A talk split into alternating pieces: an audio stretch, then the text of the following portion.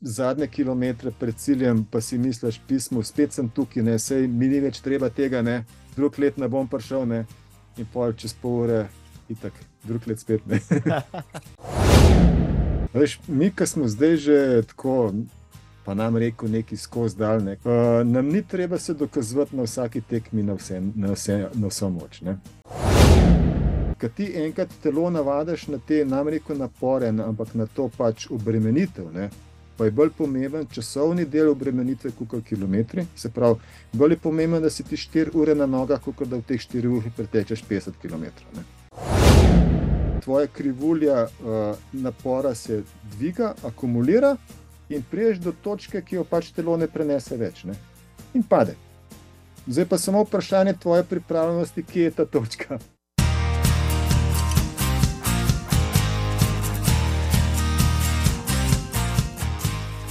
Ero, živijo, pozdravljen. Zdravo.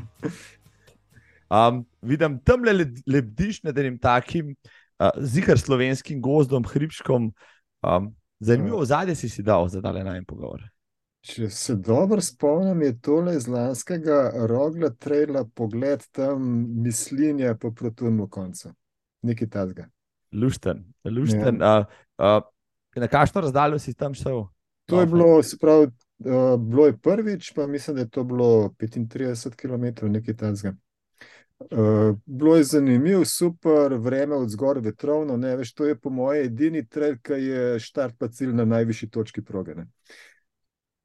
Se pravi, na vsak način greš najprej dol, pa je fleten, potem moš priti pa nazaj gor. Točno to, točno to. Iz rogle se spustiš dol v mislinje, ne vem, koliko je to spusta, Jurija pa še malo, ne? potem pa počasi plezaš nazaj gor. Mm.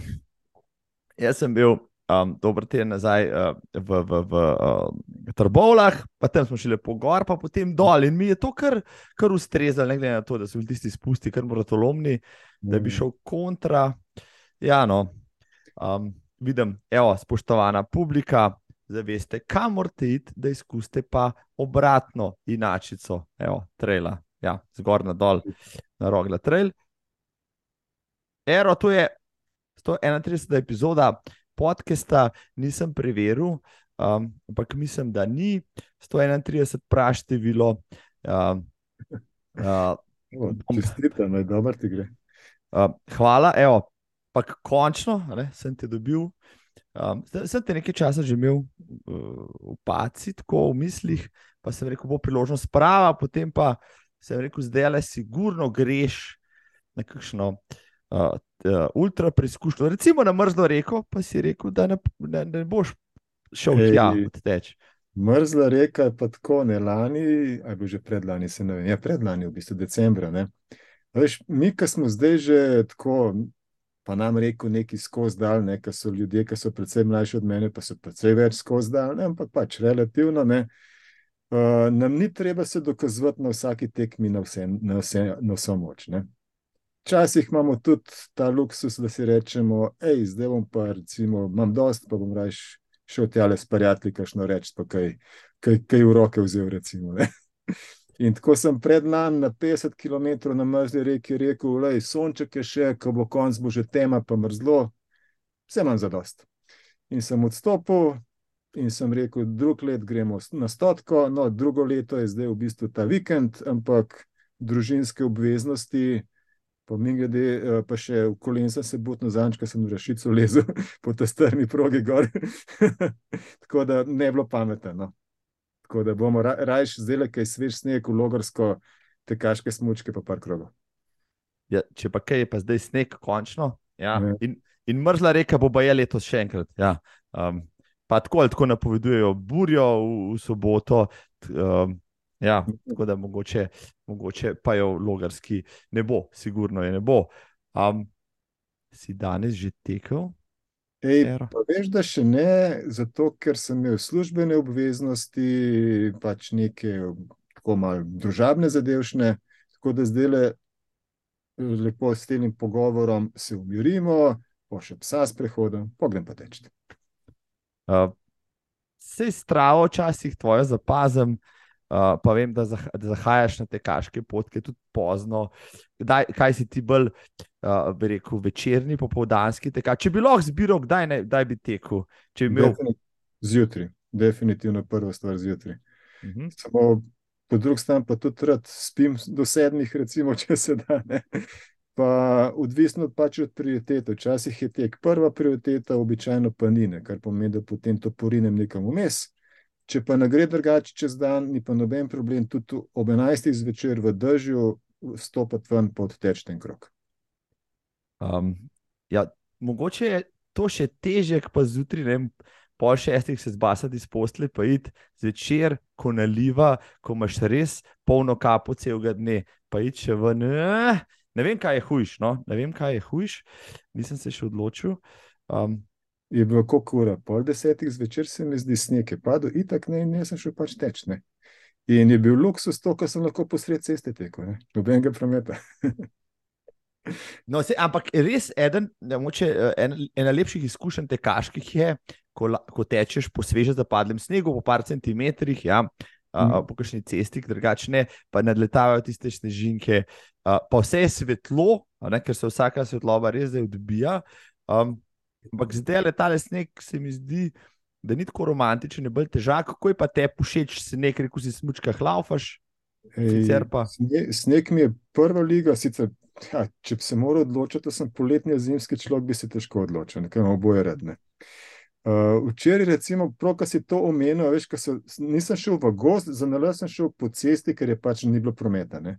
Pa tudi splužil še nisem. No? Tako, In to, kar si rekel, igra svetlobe, ne, cestna svetilka, mhm. pa snežinke, pa senca od snežink, ki gre tako počes, veš, pravokotno na snežinke. Ne, to je bilo prav noro doživeti, to, ne, veš, da gledaš tisto, kako se premika vse. Veš.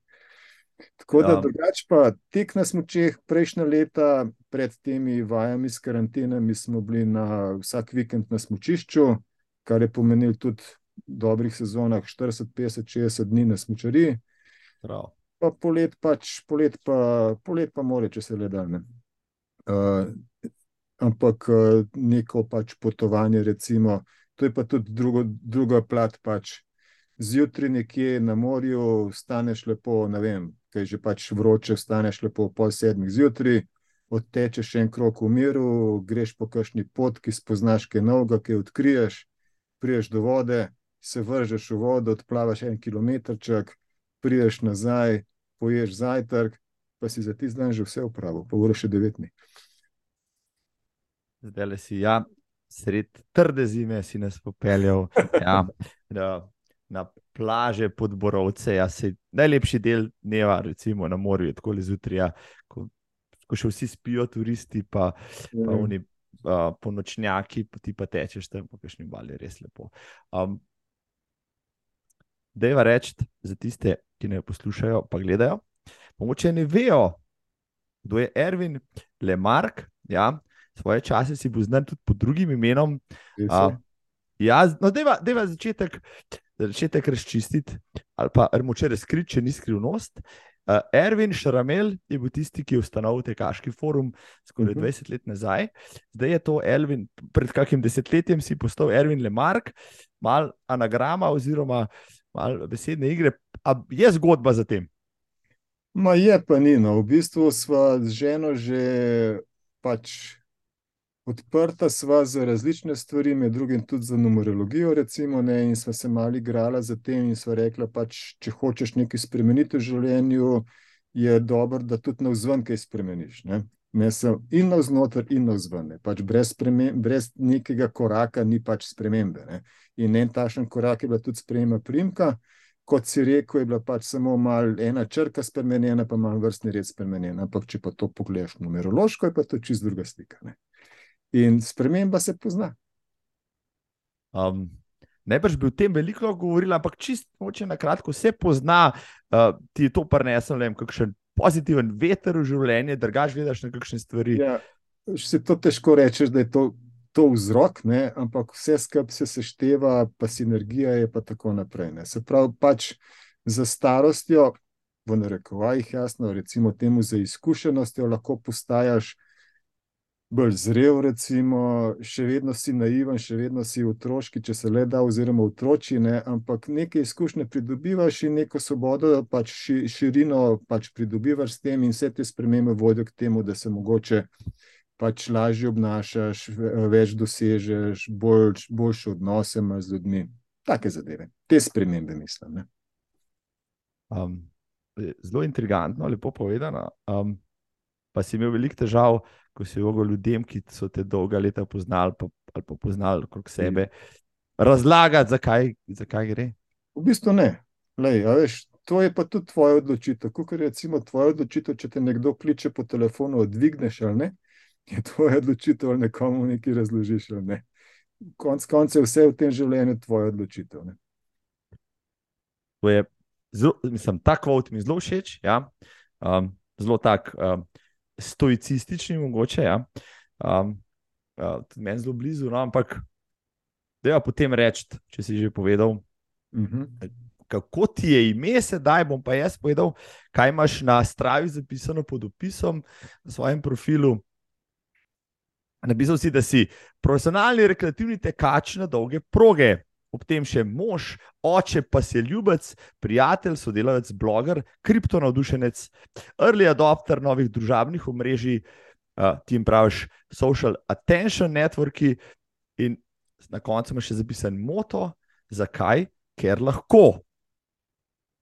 Res, okay. to sem, še, sem že pozabil, da se to napisal. to sem prevedel, sicer imaš v angleščini napisano, ampak sem prevedel v slovenščino, zdaj ti pa temu sigurno lahko še kaj dodaš ali pa me dopolniš, popraviš, mogoče se je kaj spremenilo in tako naprej. Uh, spremenil se ni nič, mislim, dejansko se ni nič spremenil, vse to še vedno drži. Edino, kar bi mogoče dodal, da so pač kakšne vrednote bilo še zraven dopisane, pač iskrenost, transparentnost, sočutje, pomoč. Se pravi, sebe vidim kot človeka, ki pač rad pomaga, pa drugim pač drugo spodbuja. Čistko, enostavno. No, se to je to je zelo plemenita lastnost, ja? mogoče uh, čist premalo, ali pa v tem času, ne? ker je, so individualni dosežki in vse ostalo zelo visoko postavljeno, mogoče, mogoče, mogoče premalo izpostavljena, pa, pa uh, nasploh pri vzgajanju tudi moče naši naslednji generaciji. Vem, kako pa ti vzgajaš? Svojega sina, koliko je zdaj že star? Zdaj pa 13 bo. 13 bo. V ravno, najboljša leta. Ja, ja. Ravno zdaj imamo eno obdobje, ki mu ženo hoče dopovedati, da, pač, da so stvari njegova odgovornost, da se mora sam delati, da so mi dve šolo že dala skozi, ampak včasih to malo težko. Ampak ja. v bistvu, jaz, jaz sam se veliko sprašujem, kaj še lahko naredim, oziroma kaj je moja glavna naloga. Ampak to, kar si prej omenil, uh, otroku dati neke vrednote, uh, nek občutek za lastno odgovornost, za, za, za poštenje. Uh, ja. Kaj še v bistvu sploh lahko danes otroku daš? Sej, uh, Marsikaj bom mogel sam še spoznati, pa se naučiti, ampak neke osnovne usmeritve v življenju prav gotovo to so.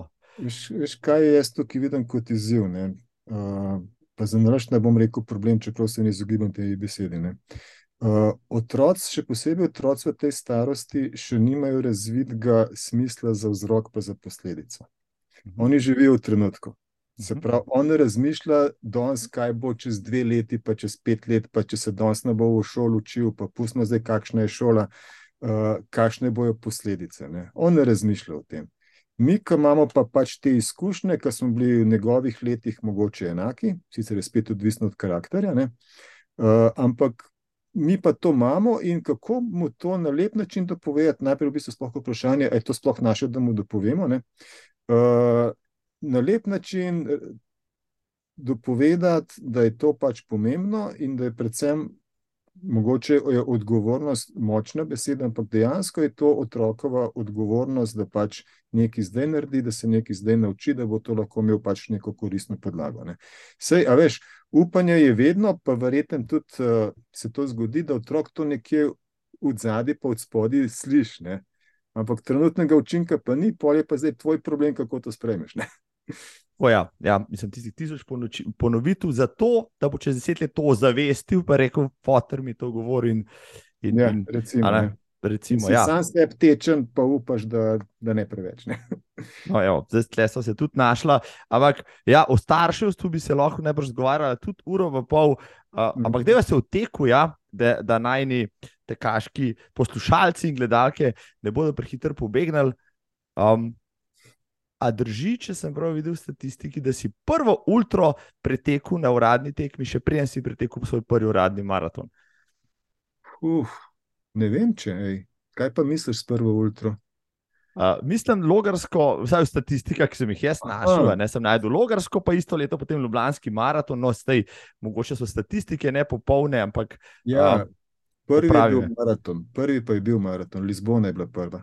ja, Leta uh, 2002 se mi zdi. Že. je taka čudna zgodba, mislim, čudna. Mhm. Uh, pač na ključje, ki ni na ključje. Ne. Se pravi, bila je poletova tekaška ekipa leta 2001, ne. bilo nas je, koliko že 16, z enimi se še zmeraj dobivamo, z večino žal ne. Um, in cilj je bil pač teh nas 16, da bi na koncu odtekel Ljubljanski maraton. Ne. Zdaj, iz razno raznih razlogov, večinoma zaradi pač glave, nismo bili pripravljeni na maraton, tako da smo šli na polovičko nekateri. In sem jaz rekel, 1. april, kako bo, grem pač na maraton. Ne. In potem sem bil član neke mednarodne organizacije za informatiko v športu, pač službeno, in je bil sklican sestanek aprila naslednje leto v Lizboni. In prva stvar, ki sem naredil, sem šel pogledat datum Lizbonskega maratona in ugan, na kateri vikend je bil. Točno to je na takrat, vikend ja. sestanka. Sej, torej, torej, ni bilo druge, kot da Ja. združiš prijetno s koristnim. a ka? In bilo je tako zanimivo, da na tem sestanku sva bila dva tekača, en Albert iz Brisla, pa jaz, tu je bil pač že izkušen, maraton je tam 3,20, recimo, ne, moj prvi je bil 3,40, 3,50, nekaj tacga, s tem, da sva prvi 10-15 km skup tekla. Ne. In sva šla v nedeljo najprej na zajtrk v hotel, pa sva šla na maraton, potem sva odtekla maraton, lepo pod tuš, pa na kosilo, pa naprej na sestanek. ne. Um, večina uh, prvopristopnikov na maratonu bi popoldne preživela na kavču, uh, polagajoč let na boleče v končine, ti si pač šel naprej, biznis as usual. ali kako. To vajo sem jaz že s polmaratoni skozi dal, ne, ker pač takrat, ko sem se na polmaratone pripravljal, je bilo tako jako kampansko vse skupaj, ne, v smislu, sej bom že, ko bo čas, ko bo treba, ne, kar je pomenilo, da sem uh, bistvu to sliko imam doskrat v glav, kako mu razlagam, kako se ne lotati priprav. Ne. Uh, en teden pred polmaratonom Ljubljanskim sem vzel dopust, ne, šel na žaka, drgnil kroge, v nedeljo zjutraj šprintu, ko zmešan na 17 km crknil, hodil 2 km in pa šel lepo v cilj, tam v uri 50, recimo. Ne? In potem tri dni stopnic nisem se videl. Ne? Iz tega sem se nekaj naučil.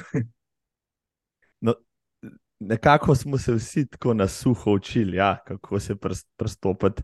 Uh, še, ne vem, še dve leti nazaj sem srečal enega pris, prvo pristopnika k maratonu, ki je podobno hotel reči: Se bom zadnja dva meseca pa treniral, pa bom pa šel, pa, pa sem mu poskušal dopovedati, da je bolj šest mesecev. Uh, ne tako kampansko, kot smo se v šoli učili, ali pa ko se naši otroci učijo tri dni prej. Ampak mogoče je pa kakšno izkušnjo moč na svoji koži uh, izkusiti, da je potem lažje. Zakaj si pa ti sploh začel teči, recimo, ne vem, svojih 30 ali že prej? Ja, v bistvu je bilo tako, da po prvič povem, ko sem bil jaz mulj, se pravi srednja šola, pa potem faks, uh, mi je bil tek dolg čas. Uh, se pravi, ta tek, zdržljivostni, dolgi tek, to je bil dolg čas. Pač itak, takrat se, si otrok drugače razmišljaš. Ne?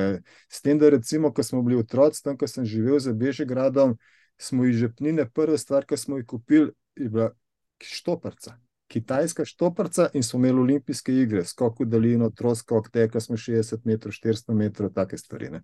Tako da šport, merjenje, rezultati, to mi je že od, od tega, že v bistvu od osnovne šole, pa še prej. To je pol povezano tudi s timingom, pa z mojimi službami, prej pa tako naprej. Ampak tek sam ni bil pa dolg čas. Tenis, košarka, kolo, ni da ni. In potem sem pa imel leta 95, se mi zdi, prometno nesrečo. Uh, zlomljena stegnenica, devet mesecev bolniške, pol leta Bergal, vse, kar pa še zraven, in sem začel najprej rehabilitacijo tako, da sem hodil v bazenu lepo, pa sem začel malo teč počasi.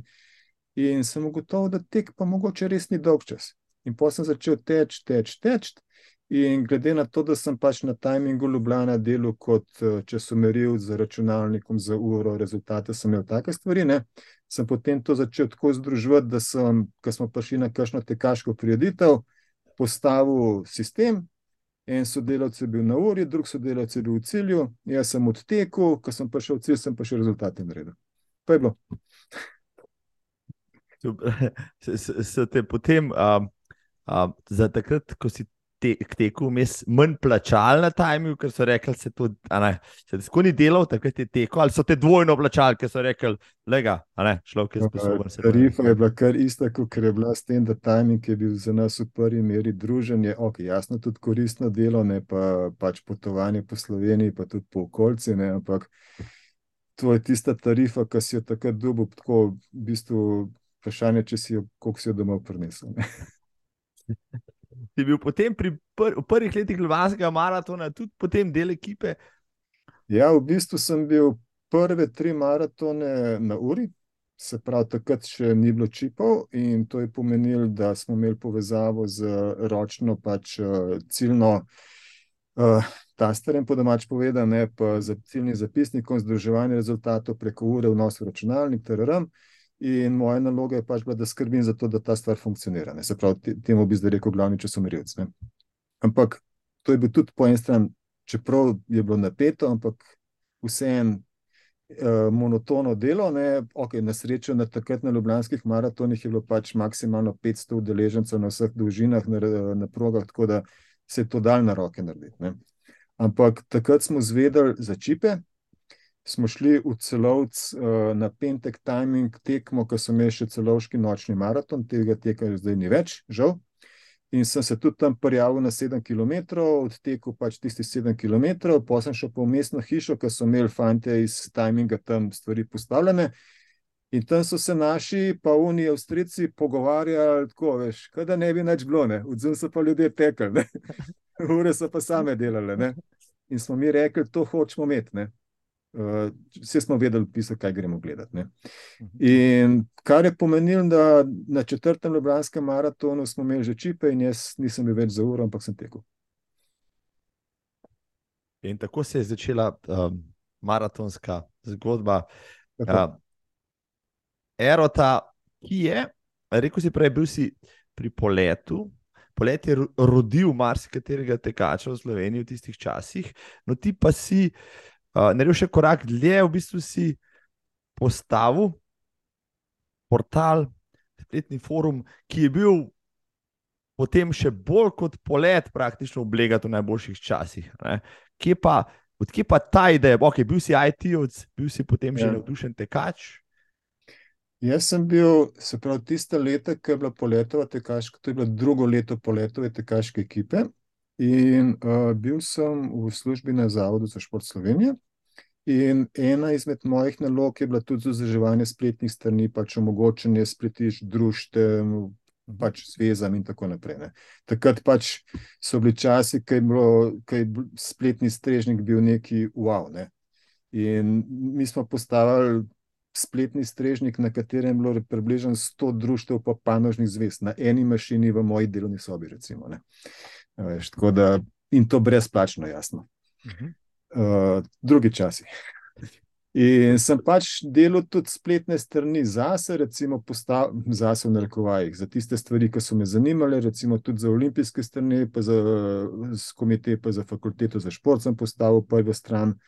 In ko je pošla, pošla ta poletova ekipa, sem postavil pač en forum, zato da bi se pač člani med sabo pogovarjali, pa da bi si kakšne nasvete delili, pa da bi tisto, kar je bilo v reviji, pač prišlo tudi na ta način v javnost. Ne. In ko je naša ekipa pač eh, tisto leto upravljala pač vse svoje načrtovane pač treninge, nastope, karkoli, je bilo vprašanje, kaj s tem. Takrat se je pač to imenovalo Poletova tekaška ekipa stranjo, uh, naslov je bil pa sportosplet.net, to domeno sem že prej imel ker takrat SI domeno dobiti je bilo Mission Impossible. ker se pač ni dal. Ne. Arnes je to delal, lahko je bilo samo na ime firme in, in to je bilo to. Recimo, Pravila, kako potem registrirati SI domeno, so šele leta kasneje nastala, uh, pa se odprla. In uh, smo pač rekli poletovcem, ne, a boste to uporabljali še naprej. Ne. Se jaz sem pripravljen to zdržati, ne, a boste vi še to naprej uporabljali. Ne. In ni bilo nobenega odgovora. Uh, in potem smo se med sabo pogovarjali, in je Dušan Kotar, ki je bil tudi takrat član, uh, pač tukaj zraven, prišel na, s predlogom, ven, zakaj to ne premenujemo v Tekaški forum, in smo to naredili. In pač najmanj zadevšno, po domač povedan, malo rebrandal, ne bi se zdaj temu rekel.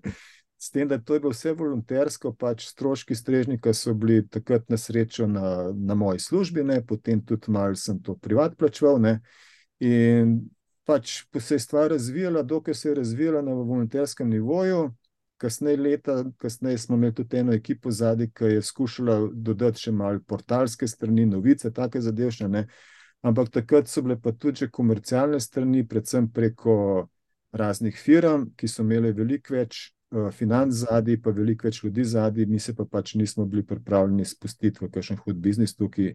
In pač zdaj tekaški forum sicer še obstaja, priznam pa, da že nekaj časa nisem bil na njej. Pač sem rekel, da če kakšne stvari ne moreš 100% delati, potem boš, da jo predaš in drugim, ki bi lahko to delali, in delaš druge stvari 100%.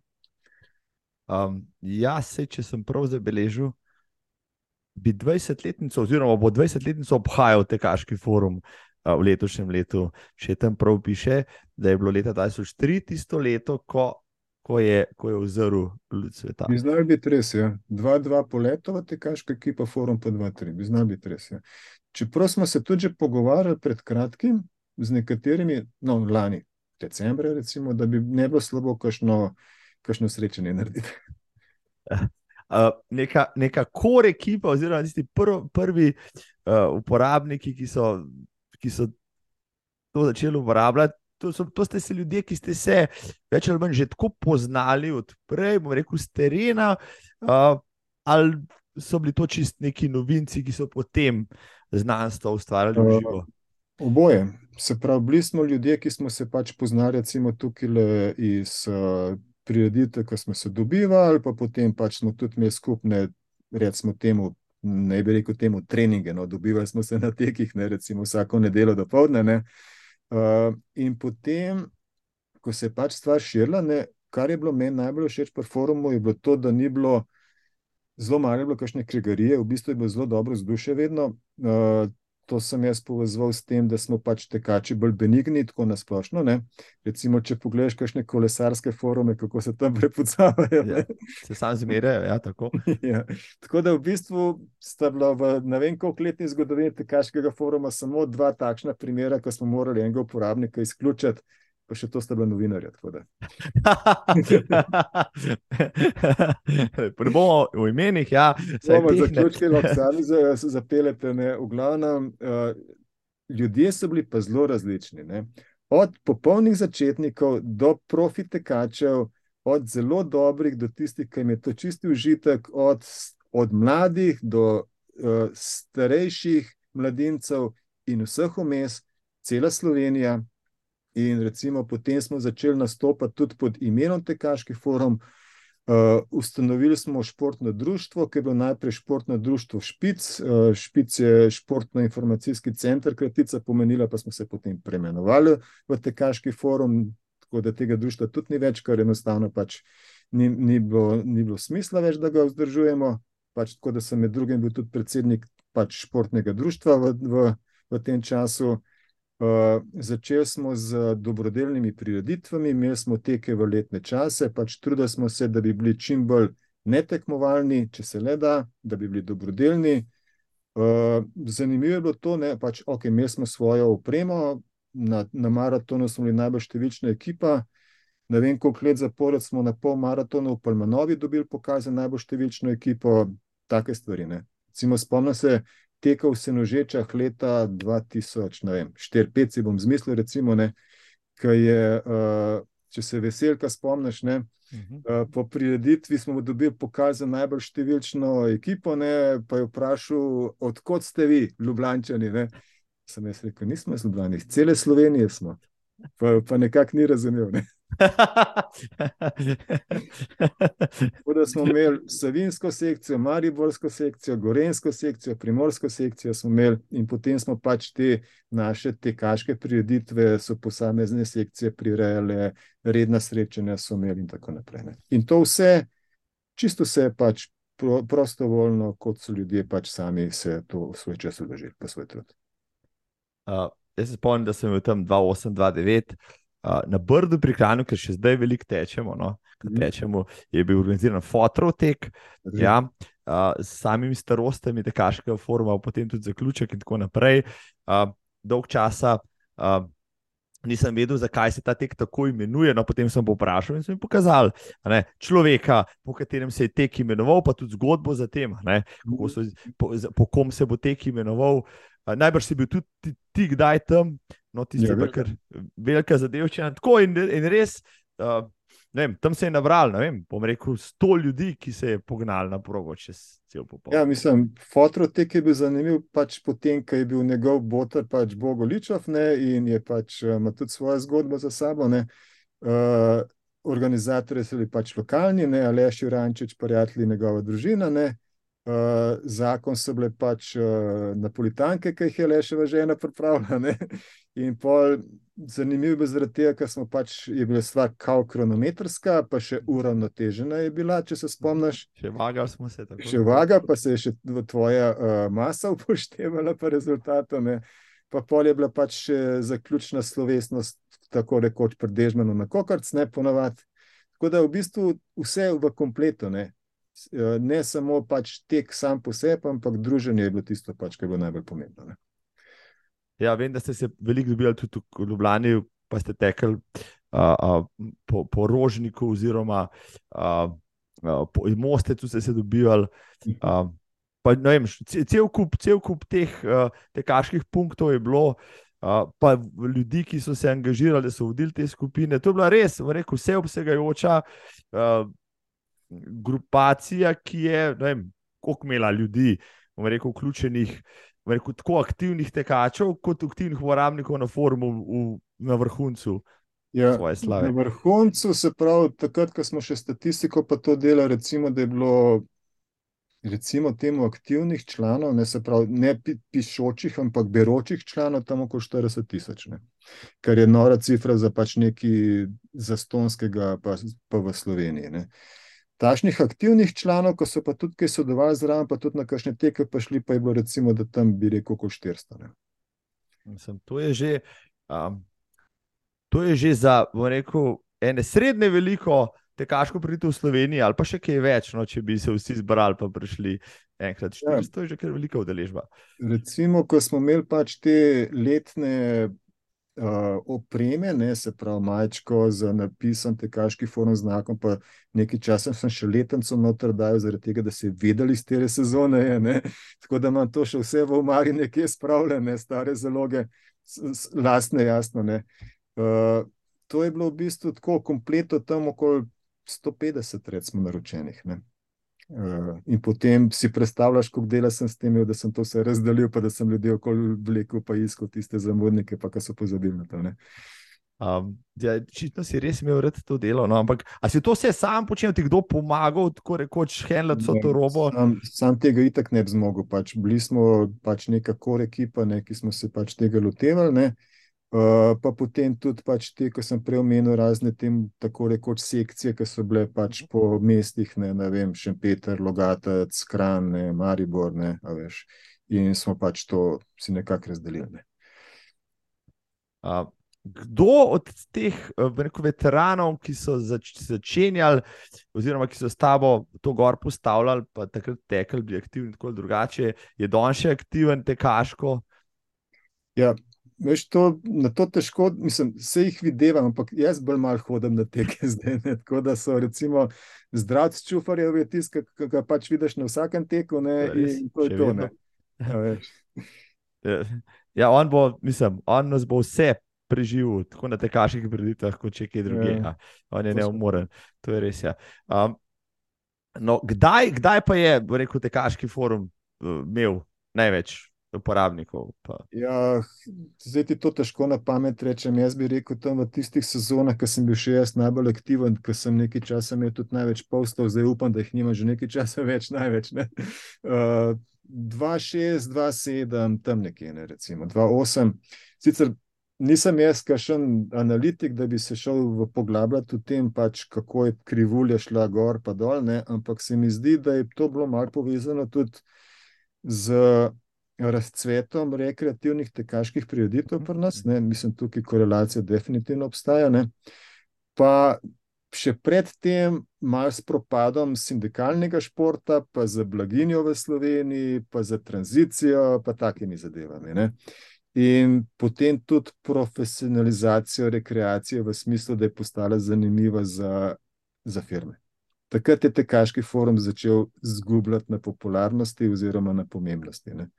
Nastajale so uh, vadbene tekaške skupine, ki so jih imele firme čez, ki so bili profesionalni voditelji noter, ne, in pač ljudje so potem začeli fokus počasi zgubljati, pa ne, da bi bilo to kaj slabega, ampak enostavno ta še ni bil razvoj. Ne. To je to.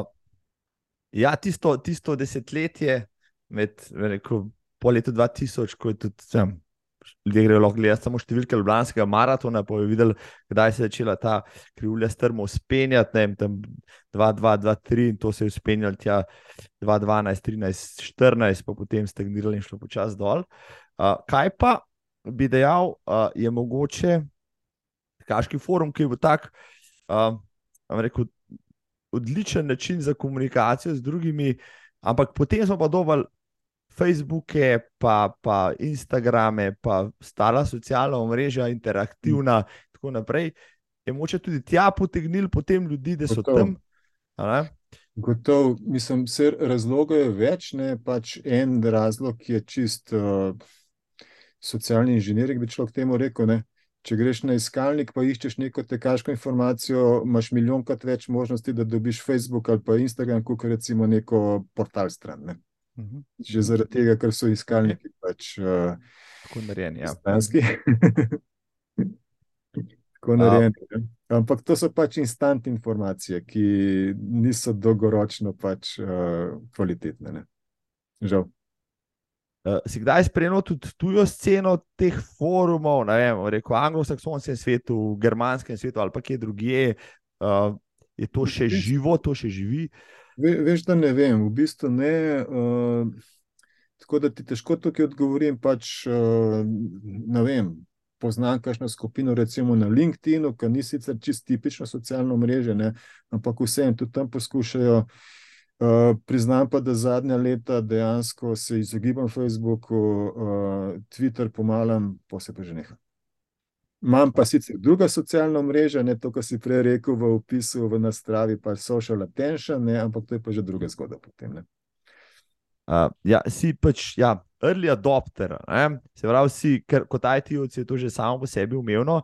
Uh, boš rekel, da uh, so social, klasična socialna mreža, Facebook je strže več kot 15 let, saj 15 let ga porabljamo v teh koncih.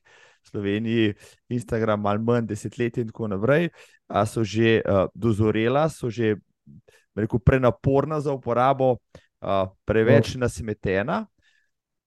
Težko je pač kakšno informacijo ven dobiti. Ne? To je prva stvar, ne se pravi. Tisti del social attention, ne, se pravi, attention span je pomemben tukaj, pa attention pridobiti. Uh, pustimo zdaj, uh, no, ja, no, nočem biti uh, preveč, ne vem, čudno se izraziti, ampak influencerji pa take zadeve, ne so mi malo mal alergični na njih. Uh, ker v bistvu se postavlja vprašanje tukaj kvalitete in kvantitete ponujenih uh, informacij, ne, oziroma modnosti, bi bolj rekel, kot kvalitete. Ne. Ampak se pravi, kaj je sploh namen social attention networka, je ta, ne, da pač, pač na nek družabni, družbeni način pridobiš pač pozornost. Ne? In to dejansko tudi Twitter, pa Facebook, pa Instagram so. Ne? Te uh, Web3 uh, omrežja, ki imajo pa povezavo še na kakšne, ne vem, blockchain uh, platforme, ne? te znajo pa nagraditi za tvoje prispevke, bodi si uh, objave, bodi si komentarje, tudi s kakšno konkretno kriptovaluto, recimo. Ne, ne samo z lajki pa smajli. Ker lajki pa smajli so po eni strani za ston in če so za ston, niso nič vredni. Ne? Se veš, kako je to. Ne? Ti lahko dobiš milijožent lajkov, pa zaradi tega to dejansko nič ne pomeni. Ne? Veš, če pa na nekem socialnem omrežju, kjer moš ti nekaj vložiti, pa je to tvoj čas ali pa tvoj denar, za to, da nekomu nekaj pač daš kot nagrado, je pa že malo drugačen odnos. Ne? Uh, pa ne dolgo nazaj, dve, tri leta, uh, od tega, kar me je en znanec, mi polinkal eno socialno mrežo, ne vem katero, v, na, v, s konceptom, ki ga ti omenjaš. Kjer so se neke točke zbirale, neke nagrade si lahko imel, in tako naprej. Če si se angažiral, pozabil sem ime, tudi ne vem, ali je stvar še, ta stvar še živa.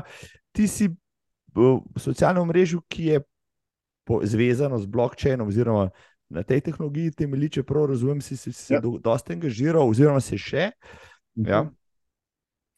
Uh, da je malo čist, čisto grobom, da ne bo sicer preveč šla, ampak mogoče čisto grobom. Okay, če bom poskušal, poskušal razložiti tako na razumljiv način, ne, to je dober test. Uh, prav, ja. To socialno mrežo oziroma platforma se imenuje Hive, H-I-V-E, se pravi, če greste na hive.io, je neka vstopna stran. Uh, spodaj je pa blockchain, se pravi, pač eh, temu se reče uh, distribuirano, pač distributed ledger, ne, se pravi, neka vrsta podatkovne, podatkovne verige, kjer novi blok, ki ga uh, prispevki naredijo, se veže na star blok in se veže na način, da je stvar nespremenljiva. Se pravi, da tukaj ne moreš za nazaj spremenjati, brisati, popravljati, ampak je stvar pač nespremenljiva, kar pomeni tudi transparentna. Uh, se pravi, vse, kar nekdo objavi, se shrani za, za večnost, oziroma dokler so tisti strežniki, ki to gor držijo, pač v mrežo povezani. Ne? In ker so to distribuirani strežniki, neodvisni načeloma med sabo, če en zmanjka, je še vedno 50-60 drugih, kar pomeni, da tudi kontrole nad omrežjem ne more nihče prevzeti. To je teorija, v praksi se marsikaj dogaja, ampak načeloma to drži razen če je kakšen močen player, pa s kakšnimi exchangi v navezi to poskuša prevzeti. Ampak to se je recimo že dogajalo, pa se je tudi rešilo.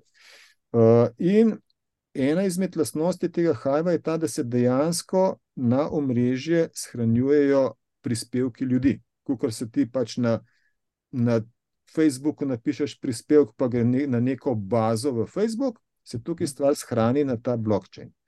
In umestniki do tega blockchaina jih je pa ni en sam, ampak jih je lahko N. Se pravi, imaš, zdaj bom naštel par strani, ki so pač Essence, Peak, Sportok Social, Leo Finance. Se pravi, dejansko ljudje so naredili svoje umestnike do blockchaina in prikazujejo uh, novice, se pravi, prispevke ljudi na tem blockchainu na svoj način. Nekateri kažejo vse, nekateri samo športne, nekateri samo finančne. Recimo, se pravi, tudi distribuir, distribuirano na nivoju strežnikov, distribuirano na nivoju umestnikov. In ljudje z različnimi interesi lahko to uporabljajo. Objavljajo prispevke, objavljajo slike, se pogovarjajo med sabo, karkoli. Igrice so gor, ni da ni. Kako razširjeno, popularno je recimo to mreže Hive? Trenutno. To je, recimo, obstajajo tudi večje. Uh, to je, ne vem, biti zelo težko na pamet reči, to je pač par sto tisoč ljudi. Ne. Niso to milijoni, recimo, ampak je pa veliko ljudi. Ne. In kar je meni pri tem všeč, pa po podobnih omrežjih, je, da tukaj ima blockchain tehnologija dejansko neko uporabno vrednost. Ne. Če pogledaš ti Bitcoin, če pogledaš ti Ether, Ether je mogoče malo drugačen primer, ampak Bitcoin je dejansko samo izmenjava vrednosti. Ne. Se pravi, imaš to, pa to Bitcoin, ga prodaš, ga kupaš, vertik del. Tukaj je pa tisti token, ki ga dobiš zato, ker nekdo glasuje za tvoj prispevek, posledica tvojega prispevka, ne, ne osnova. Ne.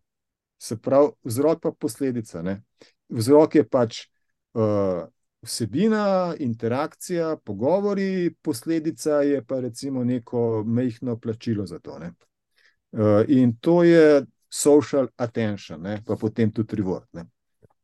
Se pravi, tule ne porabljaš elektrike, da bi rodaril nek Bitcoin, ne. ampak daješ svoje delo, se pravi, svoj intelektualni prispevek, uh, komunikacijo, interakcijo in si za Ne, to, je, to je en vidik, ne, drug vidik je jasno, da te, ki pač vzdržujejo strežnike, to pomeni toliko terabajtov podatkov, pa server, pa tako naprej. Ne, oni dobivajo tudi en odstotek od prometa, normalno, pač stroške imajo pokrite, upam, da še kaj zaslužijo zraven, ampak ni pa to neka bogatija. Ne. Ni to rudarjenje v smislu, da kurš tam ne vem, koliko elektrike, zaradi tega, da bo na koncu en Bitcoin blok podpisan. Tako je. Ja je kaj uh, tekaško zanimivih vsebin, bo rekel, ali pa uh, uh, frontendov, uh, portalov iz tega nastali. Samo tekaško ne, recimo, pač to sem prej omenil, je Sportstalk Social, recimo ena platforma, ki je fokusirana na športne, ne, ampak, ampak šport je tašen čuden pojem, ne, da, da ga vsak človek, oziroma na nekem čisto vsak človek, no, ampak imaš skupine, ki ga pač različno razumejo. Ne. Jaz šport razumem kot aktivno udejstvovanje z rekreacijo. Ne?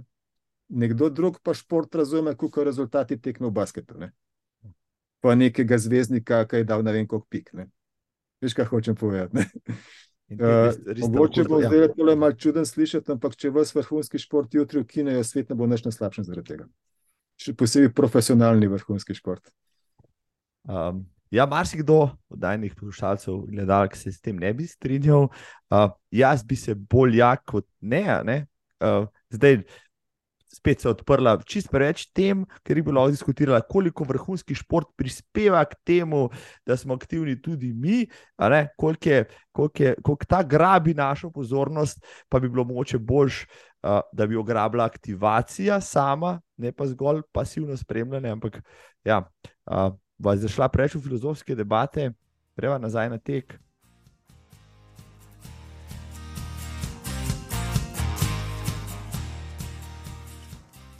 Na Kaškem forumu se je zelo zgodaj oblikovala ena, prav ta jedrna skupina, ki ni tekla, bo rekel, samo pol maratonov, maratonov, ampak vi ste šli še dlje, kar naenkrat ste vsi tukaj sedeli na ultramaratonih. Ja, to? to je bila v bistvu neka povezava parih ljudi na tekaškem forumu in uh, fantov iz uh, Društva pohodnikov, maratoncev in pohodnikov celje.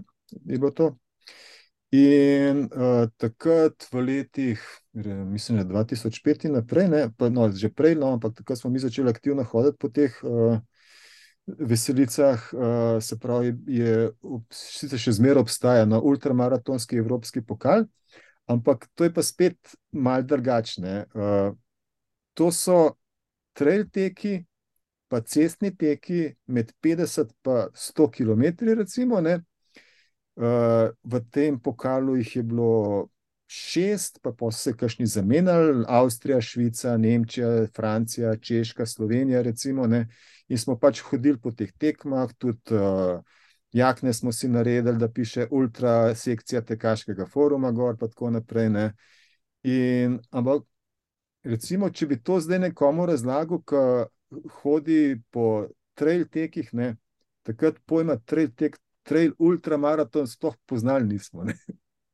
Ni obstajal. To so bili gorski maratoni, ali pa so bile ultra, če smo domači. Ja. Ja. Ja.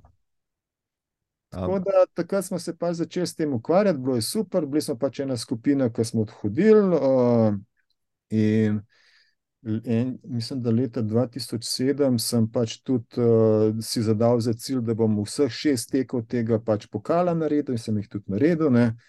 Uh, pol pač so prihajali tudi drugi teki in potem se, jaz se včasih hecam, ker so te trail teki, ki so zdaj popularni, pa sto majleri, pa šli vam, pa take stvari, sem jaz že počasnih utečne. Tako, ja, ja, srečevali smo se v Logarski, pa na Al slovenskem Alpskem maratonu, v Baški grapi. Recimo, Včasih še, na, še po, na, čez pohore je bil tek, ki je v tem tudi ja. izginil, in tako naprej. Ja. To so bili vsi neki gorski maratoni, uh, še ultra se niso imenovali. Uh, Eh, še, še maraton, uh, cele logarske, ne vem, kako se, se je imenoval potem ultramaraton. Je ultramaraton, ja. Pač, ampak, uh, lej, tako pa če po eni strani je to, pač, se veš, definicija ultramaratona. Ne? Vse, kar je en korak daljši od maratona. Meni to zadošča, pa verjetno večini tudi, no, ja, kakšni puristi, pravoverni. Uh, ja, nikoli ne bom pozabil, dole tam roleta, ker sem v to menil, med ko pogledal, kam bo ne vem, kaj naredil.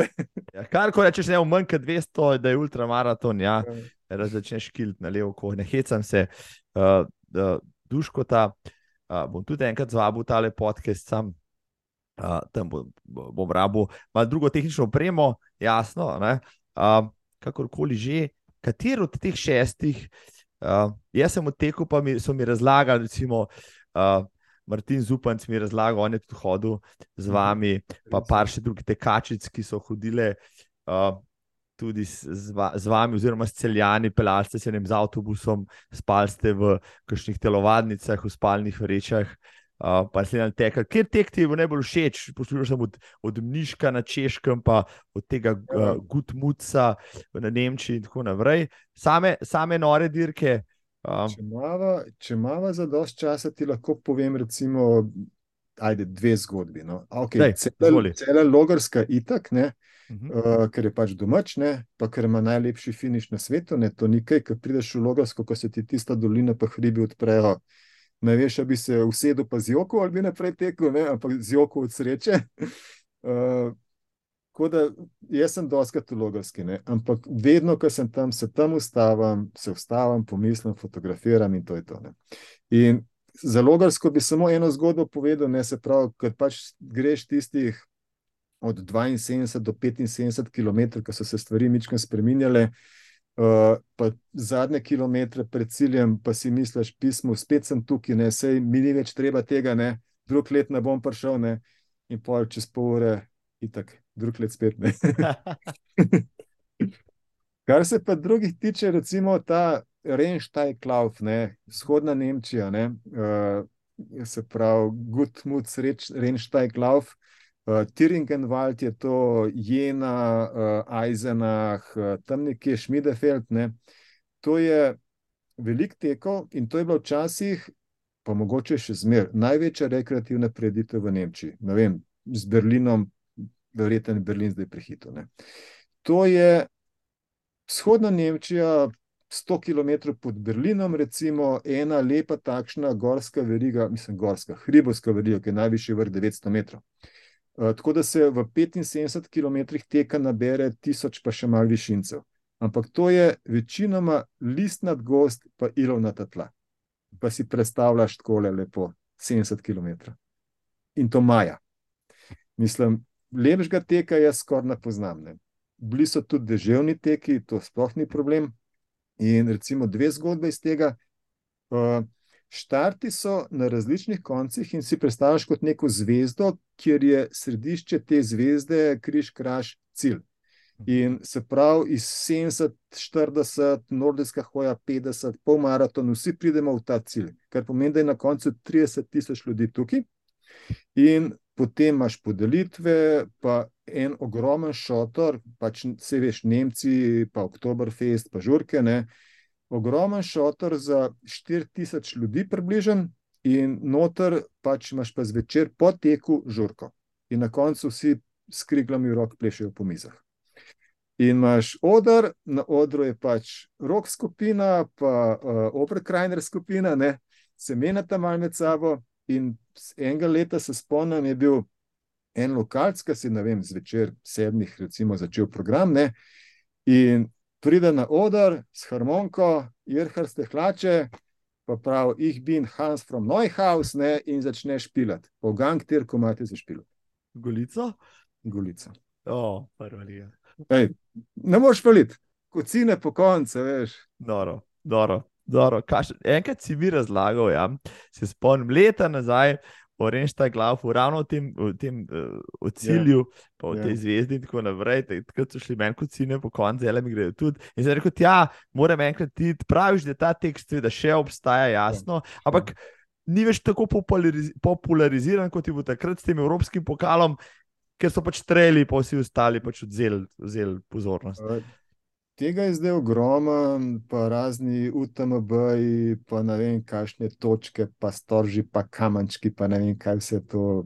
Temu se jaz poskušam čim bolj izogibati, po prvi spojem, čeprav bo kdo zelo jezen, ampak tako pač je. Uh, še ena zgodba, recimo tega Renštajga, enkrat, eno leto je šel zraven tudi Matjaš Fuchs, moj dober prijatelj, ultramaratonc, ne? in on ima pač svoj tempo, ne? kar je pomenil, da je prišel kakšne dve uri za mano v cilj, pa še deževno je bilo takrat. Pač, glavno je dežval skoraj celo, cel dan. In jaz pač pridem v cilj, se umijem, stuširam, preoblečem in potem vzamem dežnik in grem pač njega v cilj čakati. Ne. In pride on v cilj, me zagleda, se spravi pod marelo in me začne objemati. Hvala, hvala, hvala. Ne. Pa kva ti je? Ne. Ja, lej, najprej hvala zaradi tega, ker sem sem spravil, ker je bilo super, ne? drugič pa, če ti priznam, cel dan sem te preklinil, ko sem sem spravil, pa jaz vdržal lafam tukaj. Ne? Zdaj, ker sem te pa videl, da zmrelo name čaka, sem pa hvaležen. Od pekla, od raja do pekla, do raja še enkrat. Točno to. Bo še kdaj, bo še kdaj uh, zavil v tiste konce? Ja, se pravi, to je običajno drugi do tretji vikend maja. In uh, se pravi, trojke so takrat, še kakšen domač tek je takrat, vipava, recimo. Ne, tako da eno leto, ko se ne bom na kakšne domače veselice prijavil, tisto leto bi šel pač še enkrat gor pogledati po možnosti z avtodomom, ko imajo tam eno. Recimo, potem se tudi razlikuje od naših kreditov, da dejansko imajo en kos parkirišča za avtodome rezervirane. In lahko priješ tja in si tam par dni, in to je to. Tako da, ja, gotovo še šel. Cel, cel festival, v bistvu, praviš, te ja, ja. tekaški. Ja, mogoče ja, zadnjih 15 let, moče malo pod radarjem, slovenski tekači, zdaj so spet malo moče dvignila, pa kar še mu ne špičilo v šesa, ne? pa bo še več šel mm. tole pogooglati. Rekl si, po slovenske veselice hodiš, torej, ja, te trele slovenske si v bredu, da si si malo gledal, kako pa to v Sloveniji izgleda zadnja leta. Ja, pač, ok, štiri občine, itak, ne, to je klasika, bi človek rekel, ko smo še ne vem, kdaj smo začeli. Uh, pa pač, ki ste še kot vitezi, pa tam bili, ne, pa ok, Teodor je zdaj itak doma tam. Ne, uh, in smo dali vse od tistih uh, Petroga Brda, pa, pa Rudijo, do, do Podbrda, pa vseh variant vmes, pa svetovno prvenstvo, pa tako naprej. Ne.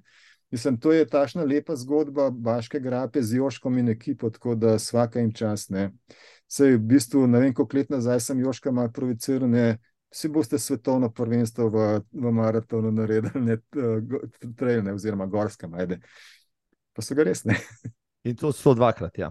Ja, dvakrat, ja. ja. Tako, ja. Tako, ja. ja, to je res, mogoče zgodba o, o dirki, ki je bila ena izmed treh, ki je nastala v začetku, tam po letu 2000, dve ostali sta že šli v, v zgodovinske anale, no, Baška grapa ostaja in je najbrž zorala ledino, ne samo gorskim maratonom, tudi ultra, stotkami in tako naprej. Ja, uh, ampak ker je to, ker je ponudbe. Um, ja. Se, to smo se lani pogovarjali prav s Teodorjem ne? in uh, Mička smo podjamrali, pač ne, itak slovensko. Uh, ampak sem ravno smo se pa v službi včeraj o tem pogovarjali, ker se tudi malo tako športno pogovarjamo, par sodelavcev. Ne, in je rekel, jaz sem pa na 70 km prijavljen. Štiri občine. In sem šel gledati, in dejansko je razdalja 70 km, tako da moram malo se pozanimati, kaj dogaja. Ne. Kaj zdaj to, ta razdalja še nimaš odkljukane, ne vrš. Ja. Ne. Ampak da povem, ne, kaj tukaj zadnji zadnja leta sem uh, dejansko se zagrebil za funkcijo metle na prvi predaji stotke. Ne. 100 km je razdeljeno po tretjinah, uh, jaz sem pač prvi predajal metle, potem predam dejansko tašno metlico, ki je nosimo na hrbtniku, naslednji anžetov, pa potem še naprej, ne? on gre do kopačnice, se mi zdi. In cilj, uh, se pravi, predaja je naporezno.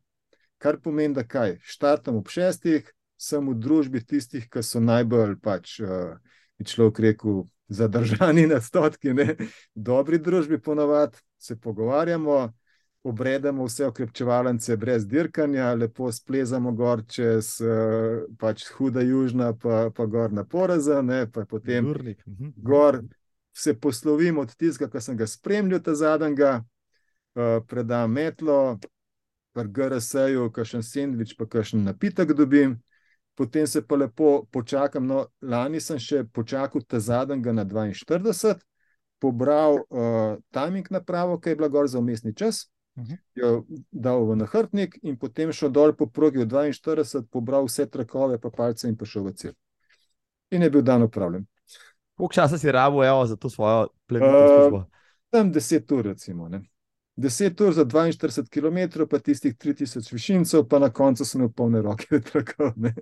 Mislim, evo, vidiš, ne? To je Na, na ta način se jaz udeležujem prireditev, veliko kar tekmovalno. Ne? Si pa na kakšnih ostalih trelih, tudi kaj tasga se zagrebo, ali si tam pa uh, zgolj udeležen? V bistvu samo tukaj, sem tudi na K24, ampak vse, a veš, posod so ljudje, ki so pač lokalno neki vezani in radi na ta način pomagajo. Ne? Če bi primerjal, ne vem, pa Vipavo, pa K24, pa ne vem, Baško grapo, oh, pa še ne, še kakšen drug, eh, še kakšen drug trail, ki si ga moče Kransko gor in tako naprej, ki si ga videl. Se to da sploh primerjati, je pač zadeva tako unikatna na vseh koncih? Uh, pa ne vem, težko bom rekel, po enem strani res uh, ne da se izogibam, pač ne razmišljam o teh trailih, ker uh, rec mi čuden, ampak nekateri so za me preveč komercialni. Uh, jasno, da tukaj mora biti nek pač pogon od zadaj, neke finance od zadaj in tudi neki splen se, tukaj se sploh ne, ne ukvarjam s tem. Ne? Ampak uh, po drugi strani je pa popolnoma brez veze, da je en tek pač uh, UTMB license, pa ne vem, koga ne, meni to nič ne pomeni. Ne? Verjamem, da veliko deležencev to pomeni, meni žal ne. Uh, tako da se tem tekom dejansko izogibam. Ne? In grem stokrat traj na štiri občine, kot kar nekaj drugega. Pošteno, lepo povedano. Um, Si bil ti zraven tudi, ko se je na Ršici tiste trail organiziral pred par leti? To je pa Roman, Jež pa Mojca, pa njegova ekipa. Uh, in se spomnim, z, z Romanom smo se ene parkrat dobili že pred leti, ki je videl, da jaz tečem po Ršici, čeprav jaz sem na Črnuškem, on je pa pač gor na Gamelskem koncu. Ne? Pa da bi se kaj dobila, pa to sem, on je čist prehiter, pa preresen za me, tako da kaj skrb nismo dosti tekla. Uh, In pa, sem pa pač pomagal, kot sem lahko pač pri uh, Trojrašicu, kot se vidi. Uh, in to je tudi ena zelo lepa zgodba, in je pa pač tudi taka zgodba, da enkrat, ko se ne da se je izpela, ko se je pač malo mogoče tudi Roman, pa ekipa, da so se naveličali, da so pač prekinili malo. Uh, Lani je bila spet neuradna, tako da se nas je zbralo ne vem koliko, veliko 60, uh, jaz sem imel ene obveznosti, tako da sam teko nisem s vasino prišla sem malo pogledati, ne? ampak je pa super občutek, super vzdušje, ljudje so pač te, ki pomagajo zraven, so prva liga. Pa tudi rešice, pa šmarna gora, če tako pogledaš, sta dejansko zahtevni. Ne? Veš, uh -huh. Tam je v enem krogu je 20 km, pa ne vem, koliko je spona tisoč ali dva tisoč, se ne vem, ne tisoč, tisoč je preveč. Ampak vse. Je... Ja. Ampak to je november, ne? kar pomeni, da smo imeli vse. Od lepega remena do blata, do dežja, do snega, vse je bilo. Ne? Ampak to je to, greš. E, spomnim se nekih fotk, ja, z tiste blatne variante. Ja, mislim, jih je bil poln Facebook. Drsu si se noter po, po raznih uh, vlakah, pa tako naprej. Dejansko nisi mogel normalno stopiti, sem še naravno si šel. Pa tekel. To, to ima svoj čar, to ima definitivno svoj čar. Kje potem največ tečeš, rekel si zdaj, le, da je veliko porašici, še kje, kje so tvoji uh, priljubljeni tekaški tereni? Ja, če, če na stravo pogledate, ker imam namerno vse pač javno odprto, uh, nič ne skrivam, pač če bi, no, pustimo to, privatnost pa te stvari, to, to je zdaj v tem časih malo čudna zgodba, uh, ampak uh, najljubše pač proge tekaške so tukaj pri nas, Rešica, Srača dolina, pač tukaj okoli. Zadnji sem celo prvič v življenju šel od doma na Rešico, pa na Mengeško kočo, pa nazaj, malo sem krožno naredil, to sem si že, že dolgo želel, tako da bo to še kdaj naredil. Uh, bilo je tudi malo blato vmes, tudi podrta drevesa, ni da ni, ne to je bilo po tistem prvem snegu, ne vem, novembra, decembra, ne? tako da je bil še tašen dodaten užitek. Uh, Logarska, definitivno, tam je en kos, uh, ena potka ob potoku Črna, ker ne vem, če, če ljudje res tako poznajo. Se pravi, kad priješ do prvega mostička Logarski desno, je en potok, tam je ena zelo lepa potka, par kilometrov, pogajš pa lepo skozi mal, mal po eni strani, mal po drugi strani ceste in priješ pač pr, na koncu asfalta preslapo ven, recimo. Ne.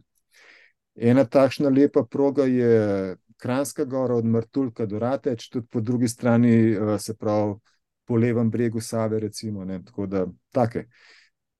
Ne vem, zgleda, da me privlačijo te gostno, mičken, uh, našpičene uh, rečne ali pa potočne variante. Ne. Ob Črnušnici, recimo, pri nas v dolini.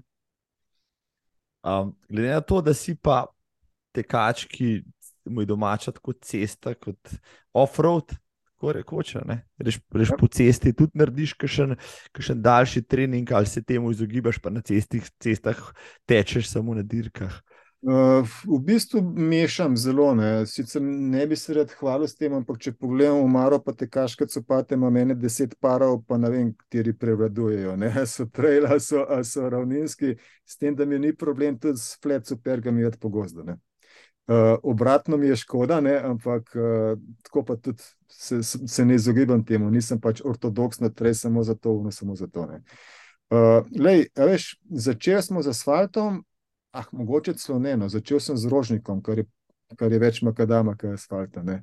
Ampak uh, jaz uh, nekako se poskušam biti čim bolj uh, ali pa čim mešati stvari. Ne in kar se podlage tiče, in kar se profila tiče, in kar se superg tiče. Ne. Tako da tudi zaradi tega imam uh, veliko para superg, da se mogoče je to samo teorija, ampak da se kač noge ne navadijo, da se na, na, en, na ene superge pomoč, recimo težave, ki zamenjaš drug par, pa tako naprej. Ne.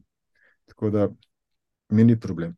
Če recimo, zdaj smo spomnili, ko smo se čisto na začetku o rogli pogovarjali, ne, Ta le rogla lanska je bila en teden po, po 12 urah hranjene. Ja, Naslednji vikend po rogli so bile pa štiri občine. Mislim, mislim pa, pa praviš, da malo tečeš in malo tekmuješ. Ja. Pa je zanimivo. Zanimivo je to, da imam uh, pač pogoj, da tečem vsak dan, ampak ne da bi se hvalil s tem. Ugotovil sem, da če ne tečem vsak dan, potem se mi ne da vrniti in neham teči. uh, uh, pogoj je dve mili, se poznaš s tri kranarje, ne, tam je pogoj ena mila, sem rekel, brez veze ena mila mora biti dve mili. Uh, ampak dejansko tečemo vsak dan in s, tem, s to količino ne, teka, ne, te potem, če, se, če imaš pač mesece, kjer imaš prioritete druge, ne na teku, ne, to pomeni tam 150, maksimalno 200 km na mesec, se da ultra preteči, brez problema.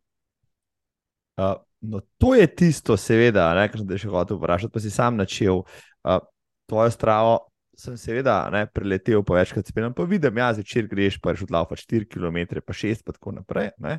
Potem, uh, par mesecev kasneje, te vidim na štartu 12-urnega teka v Kranju in lepo v 12 urah, suvereno, uh, zgrizeš 100 km, uh, brez, rekel, tistega neko hudega napora, ampak brez, brez umiranja ne, na obroke, kot je pri kakšnih moče bolj zagnanih tekačih vidno. Povej mi, kaj je tvoja skrivnost, izkušnje, pač dolgi teki, ki jih vendarle imaš, kaj drugega.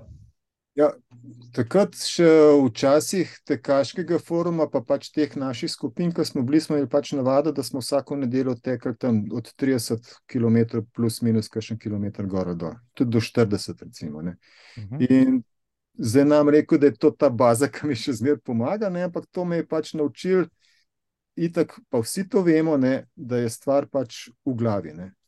Uh, se pravi, Ker ti enkrat telo navadiš na te namreko napore, ampak na to pač obremenitev, ne, pa je bolj pomemben časovni del obremenitve, kot kilometri. Se pravi, bolj je pomemben, da si ti 4 ure na nogah, kot da v teh 4 urah pretečeš 50 km.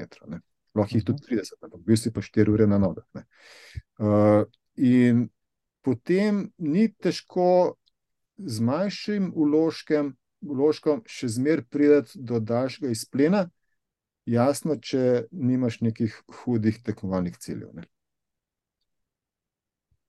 Najdaljša razdalja, ki si jo pretekel, je koliko? Eh, to Ma pa mislim, da je, se pravi, jaz sem ultramaraton začetnik, nekaj so te, te, te 100 malari se začeli, sem jaz že nehal. Ne. Tako da mislim, da je tam ena 120 km nekaj tazga. Ne bomo temu več gledali v zobe. Ja. Mislim, danes se zdi čisto medklic, ja, pa spet filozofsko vprašanje. Se ti zdi, da s tem, ko so te 100 majleri prišli, pa pač daljše razdalje, se popularizirale? Danes je naval na Špartaton, uh, bom rekel, večji kot vem, na, na, skoraj na kakšen večji maraton in tako naprej, več tekačev zavrnejo, kot jih zamejo. Uh, se ti zdi, da je moče potem razrednoteno tisto, kar je bilo še rekel, 20 let nazaj, pretekel si maraton, prišel si v ponedeljek na šiht ja, in si bil kar car. Ne? Danes, če nisi pretekel za vikend 100 milke, ne?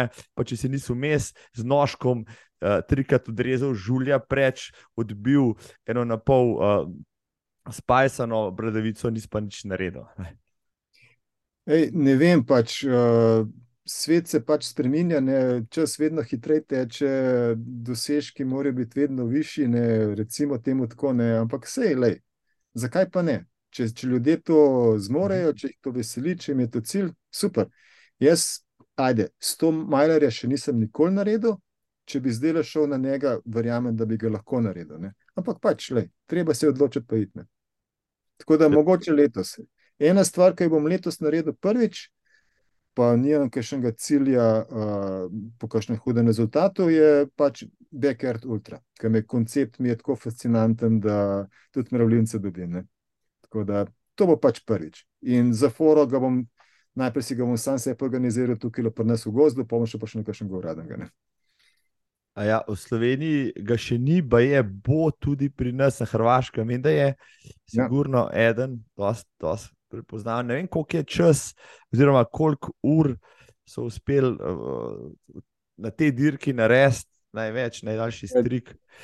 Zdaj za ta Hrvaško, ne se pravi za Lapovac, mislim, da je bila tudi Nataša Lan. Tako, tako. Če se dobro spomnim, je bil tam ne vem, nekaj čez 30, mislim, da je rezultat nekaj tanskega, 32 se mi zdi. Enega imaš pa v Zagrebu, uh, tiste tako malo pač v, v breg, ne, ima 170 metrov višinske v krogu, kar je malo veliko v bistvu, ne. tam je 18 mogoče. Eh, letos bo pa še v eni vasi pri Grobniku čist nov. In če bo uspel, bom tjašel. To je konc junija, tako da je idealno. Uh, kako dolgo misliš, da bi zdržal? Eh, se veš, backyard ultra je, ultra je tašna dobra stvar, da pač mora biti dva dobra, če hočeš dober rezultat. Ne? Zato je tudi tako zanimiv. Ne? Ampak ne mislim zmaga delati od tega, ne pač 12 ur gotovo, vse kar je več, pa bonus.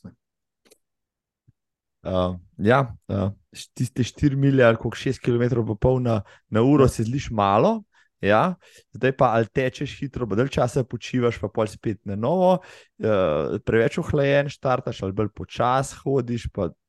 Taktike so zanimive. Je. Mislim, da je padel lansko leto uh, svetovni rekord, da sta imela dva ja. Belgijca, kako 100, 100, 100 ali 101, se ne vem. Ena, lej, se to je tudi, ne, veš, uh, zdaj le, ko bo ljudje to poslušali, to je zdaj le malo agitacije. Ne, ne vem, kdo bo organiziral pri nas to Backyard Ultra. Ne svetovno ekipno prvenstvo, ne se pravi to, kar ta uh, Lazar Slejk organizira mm -hmm. kot pač izumitelj discipline, ne, s tem reče on uh, Satellite Championships. Ne. Zaradi tega, ker je sodelujejo države in v vsaki državi je 16 tekačev, se mi zdi, in vsaka država ima svojo tekmo potem se pa krogi seštevajo ne? in istočasno si štartajo ob sedmih zjutraj po ameriškem času. Ne? In imaš potem spletno stran, rezultati prihajajo noter, in potem se sproti vidijo do, do, dosežki, in tako naprej. Tako da dejansko američani so nehali tam nekje pri 85, se mi zdi, recimo, ne? dva Belgica sta pa šla do 101 kroga skupaj, in potem sta skupaj odstopila. Tako da uradno ni bilo zmagovalca pa so na koncu vse, vse mogla biti diskvalificirana, ne? ampak ja. je Lazar Slejk rekel. Ajde, bomo gledali skozi prste. Rekord je, ne, ampak zmagovalce pa ni bilo. Rekord ima pa je priznal, tako je. Ja. Ja. Da nam bomo zašla, čist predelati, da še en, še en korak. Sorry, sorry, to je bila agitacija za slovensko ekipo. Agitacija, agitacija za slovenski dogodek. Ja, govori se, je subtil hint. Tako da slišite zunaj, veste, kateri mislim. Ja. Pogovarjate se že nekaj časa, zna biti, ja, da je letos pa bo končno leto, ko bo tudi Slovenija dobila svoj backyard. Ultra, tisti, ki ne veste, o čem govoriva. Pogooglejte, pa boste videli, bom še spodaj za nalaž polinkov. Uh, gremo še čist malo nazaj um, na cesto, uh, preden nam zmanjka časa, mora kakšno reči o maratonih, kar nekaj si jih odtekel, imaš preštete mogoče. Uh, imam v Excelu stvari shranjene, jasno, itak. Nimam čisto vsega, uh, tako da kažem letni, kažem luknjo v podatkih, ne vem pa na pamet, koliko je. Tako le na uč bi rekel, da je tam okoli 40 maratonov, pa okoli tudi tam nekje ultra, tam nekje. No. Nisem pa zbiratelj teh zadev, še tako da ne vem na pamet. Mislim, ne da jih ne, ne zbiram, pridejo pač same posebne. No, neki maratoni se ne brž izbral ciljno, ne vem, bom rekel Atene, eh, Rim, Budimpešta in tako naprej, namenoma s ciljem. Vi, vi greste letos v Atene, je tako?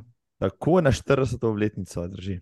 No, uh, zato, ker se celani tudi pogovarjajo, da bi šli, uh, tako da v vsakem primeru smo v Atenah letos. To. Če, ja. če, če ne streljani, pa, pa z vami, 40-letnica, bil sem takrat, ko je bila 2500 ta obletnica bitke pri maratonu. Kako so 20, to zapravo, ja. 20 je bilo to, ja. To je bilo ja. leta 490 pred našim štetem, 20 je bilo, ko je prišlo, mislim, da samo američanov nekaj tisoč, no, ker niso bili tako nori na te cifre. Ja. Je bilo zanimivo pač grško, tako da smo z avtobusi se pripeljali tja nekam do maratona na štart, najprej nismo vedeli, kam se moramo obrniti. Kaos, totalen. Ja. ja. Ampak je bilo zanimivo, proga je tako. V bistvu kar zahtevna, ker tudi glede na to, da je to oktober, je še zmeraj vroče, pa asfalt je pa valovito. Je, Tako da proga je zanimiva. Ko prideš v cilj, v tisti uh, na stadion, klasični, uh, Ja, jaz sem kar čutil noge, nekaj, nekaj časa sem se moral v sencu vse spojilo po redu. Pogaš pa na tribuno, pa navijaš, ne? še zvoneka za ta prehajajo in je zanimivo to, kako unes. Se pravi, sedeži je beton tribuna, ne, ampak je pa razkorak tak, da kar težko splezaš. Ja, jaz sem potem preventivno ostal čist na, čist na vrhu, tam je pač sprehajalna pot. Ja, in se sprehajal gor uh, okrog po, uh, po tisti uvalni potki, tam srečal naše, ki so prehajali, pa primoža kobeta s harmonko in tako naprej. Ja, ker tisti raztežaji dol so bili kar glomazni. Je pa prav poseben hlad, da ta marmor, ja, pa tudi če je vroč dan, uh, pa ko vidiš pač ljudi, ki prihajajo noter. Tega se spomnim, da sem v bistvu, ko sem prišel v cilj, najprej sem šel lepo tam po eno steno, sem se lepo usedel, pa sem si lepo hrbet hladil s tistim marmorjem. Mislim, je to maraton, ja, ki bi ga mogel vsak maraton najbrž preteči, že zaradi rekel, zgodovine, zaradi spoštovanja do, do distance. Definitivno. Uh, še en takšen maraton imam tako na seznamu želja, pa, pa dejansko nimam kakšnega fiksnega seznama. Uh, košice pisma, maraton, recimo, Mimika. Uh, mislim, da je, ne bom se zlagal, če, če rečem, da je leto 24 tisto, ko obhajajo po eni stoto obletnico prvega evropskega maratona, mislim, da je bilo 1924. Tako da, tako da evo, lej, za naslednje leto, bucket lista, kar obkrož, tudi uh, jaz se pogovarjam že s par entuzijasti, da bi se dejansko do Košic, ki niso tako blizu, ja, to so tam nek vmes med Bratislavo in Pansko bistvo. Ja, jaz sem že razmišljal o izletu, ne, s tem, da pač se ne ukvarjam z izleti tako kot ti, ne, dejansko sem samo enega organiziral. Ne. Ampak, recimo, eh, sem že imel ruto tako, da bi pač šli gor čez Budimpešti, nazaj pa skozi Bratislavo. Bratislavo recimo, no, bo o tem, če, če, če dejansko imaš prst zapičen, tudi v košice še kakšno rekla, potem, ja, zakaj pa ne, ne moče pa skupaj kaj narediva, ker to je pač za sladokusce, tako rekoč. Ja, to je mm. stvar, ki ni lih, moče za vsakega tekača, zanimiva. Um, So radenci maraton, ki ga v Sloveniji pa mora preteči vsak maraton, če se hoče tako deklarirati. Uh, Ne. ne to si rekel, zakaj? uh, glej, to je čisto osebna odločitev. Uh, Radenski maraton, jaz sem pač tam par polovič kot tekel maratona, še nikoli. In ne vem, če ga bom, pač nikoli ne rečem, ne, nikoli ne, ampak uh, kot član tajminga sem tam precej let preživel in sem se malo naveličil. um, je posebno doživeti tudi v Mreku, malo drugače, recimo, kot v Atenah, je pa definitivno nepozabno. Ja. Je, ne, samo jaz sem tam veliko maratonov preživel, smo bili zadnji na cilju, verjamem. pa si videl vse tiste, vse sem tiste videl. Pace, ki so vrhajali na cilj in telesa. Ja, ja tako rekoč. Uh, Si dejansko pa pretekel ostale maratone, vem, da si istrskega, pa bovci v teku in tako naprej. Ja, večinoma sem jih, recimo Zagreba, še nisem, uh, Beograd sem, Podgorico sem, Se pravi, nekoč sem željo, da bi pač vse jugomaratone pretekel, ampak za to je še čas. Se pa recimo s Hrvati pogovarjam, pa hvalijo Ljubljanski maraton, pa pluvajo po Zagrebskem maratonu. Ja, mislim, da ja, ironija, mislim, da bo počasi več Hrvatov na Ljubljanskem maratonu kot na, kot na Zagrebskem. Ja. Um, ampak, ja, Zagreb, cestni teki, pa spet druga zgodba.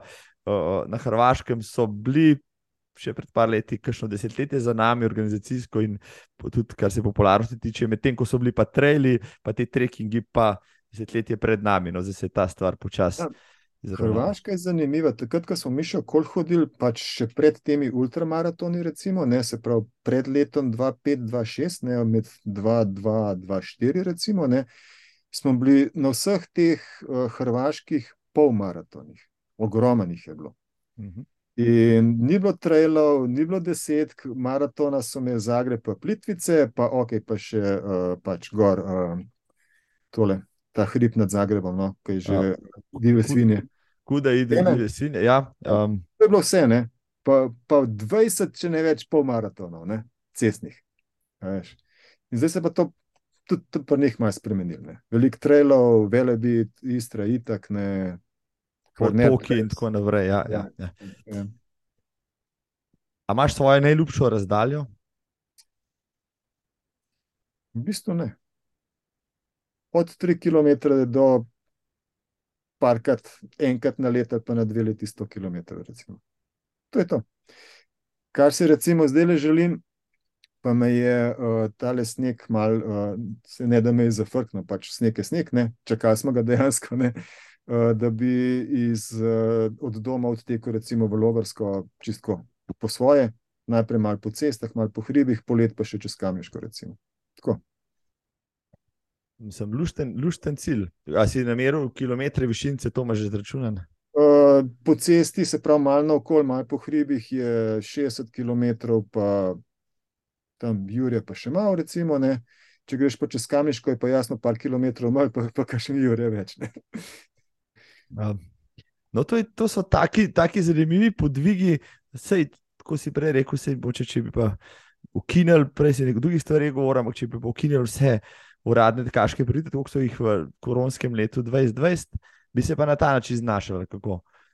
Vse si videl, kaj se je takrat dogajalo, neki Everestingi, neke virtualne zadevščine, ni da ni. Ne. Ljudje se pač znajdejo, znajdemo, Uh, takrat si se počutil pogumen, če si prečil iz, iz Ljubljanske v, v Trzinsko občino na vrhu Rešice. Čeprav se ti je zdaj butas. Uh, ali pa če si se prerekel na urhu z lokalnimi uh, gasilci, da te niso spustili čez ne, na orle. Ne? to, to se je dogajalo. Ja, pri... um,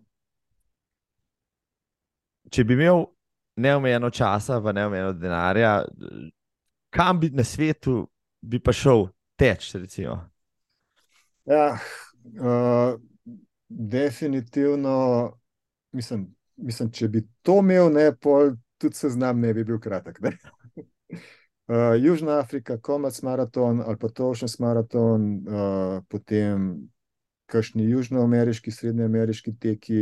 Uh, v, v Severni Ameriki je toliko tekov, da se mi sploh ne zavedamo, koliko jih je, pa večinoma so z veliko, veliko manj udeleženci, kot pri nas. Ne. Se pravi, te, ki jih poznamo, ko so popularni, ali Western States in naprej, ki imajo pač, pa še teh imajo 500 samo, recimo.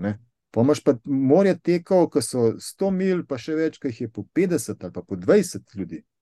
In tega je ogromno, ni, ni toliko časa na svetu, da bi vse to skozi dal. Ne. Tudi če te noge držijo, pa glava je zraven. Uh, oni danes sem prebral članek o, o, o mislim, da enem Američanu, ki je pustil korporativno službo in bi zdaj rad odtekel um, več kot je trenutni svetovni rekord maratonov uradnih v enem letu. Pa sem rekel, ok, se to so v sobotah, ponedeljah, to jih je 100 na let, ni res.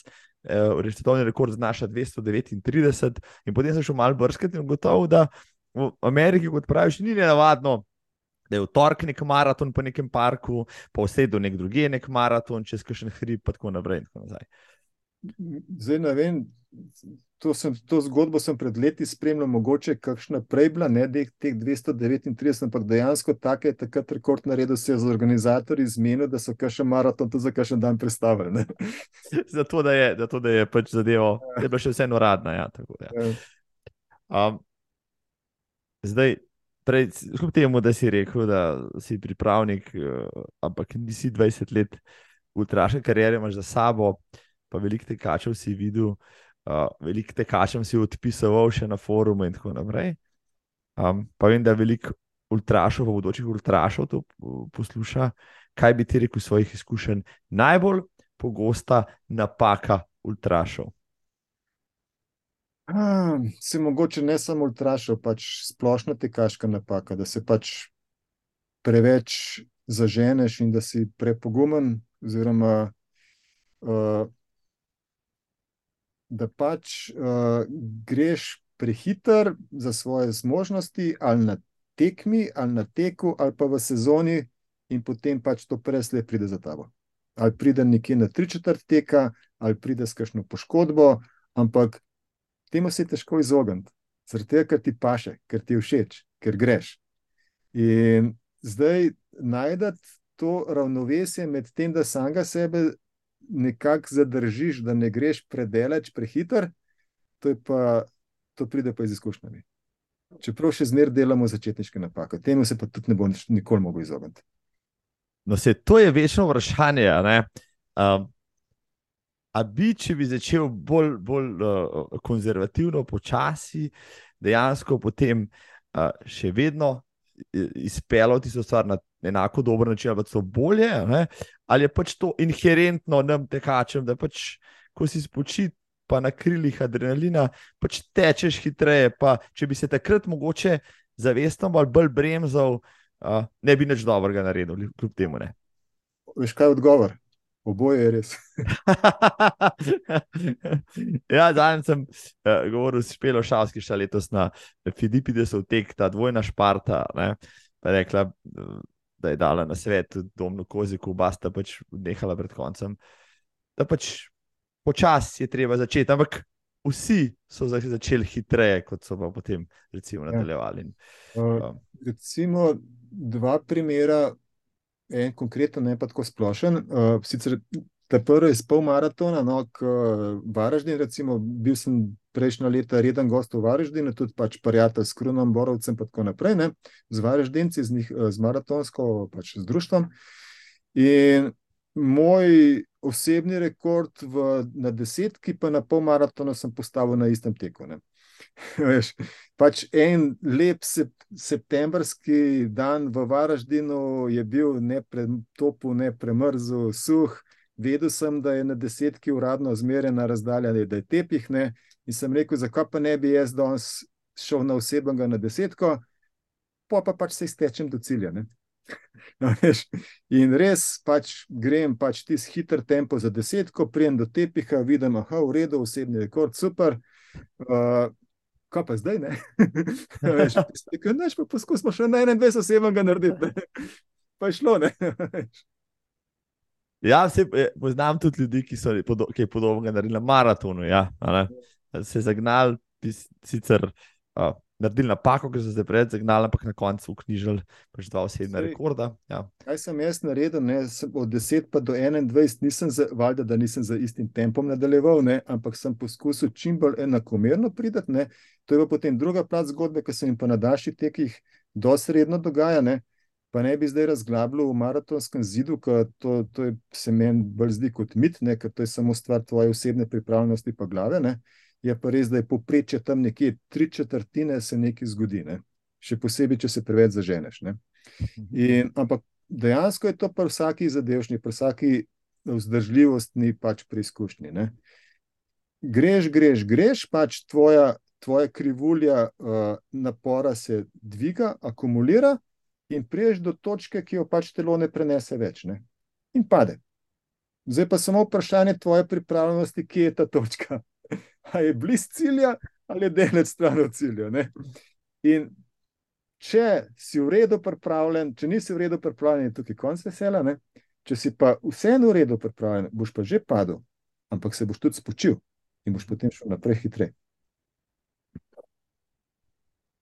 Um, zdaj le si, evo, tako, v enem stavku povedal, pač skrivnost. Uh, kaj je dobra pripravljenost, pač daje dobre rezultate, ja, pa da tudi 3 km na dan šteje, kot praviš. Bi mogoče rekel, um, veliko se zadnja leta pogovarjamo o recesiji, mogoče v slovenskem teku, potem, da ni pritoka mladih tekačev, da se pač ta letvica poprečne starosti dviguje. Ne, in tako naprej. Mm. Kakšno je tvoje stanje v tekaški sceni v Sloveniji? Mislim, da bi imel tako, se, veš, se, jaz ne, ne hodim na dovolj teko, da bi to lahko ocenil. Uh, lansko leto sem bil dejansko na zelo malih prireditvah, pet, šest mogoče uradnih.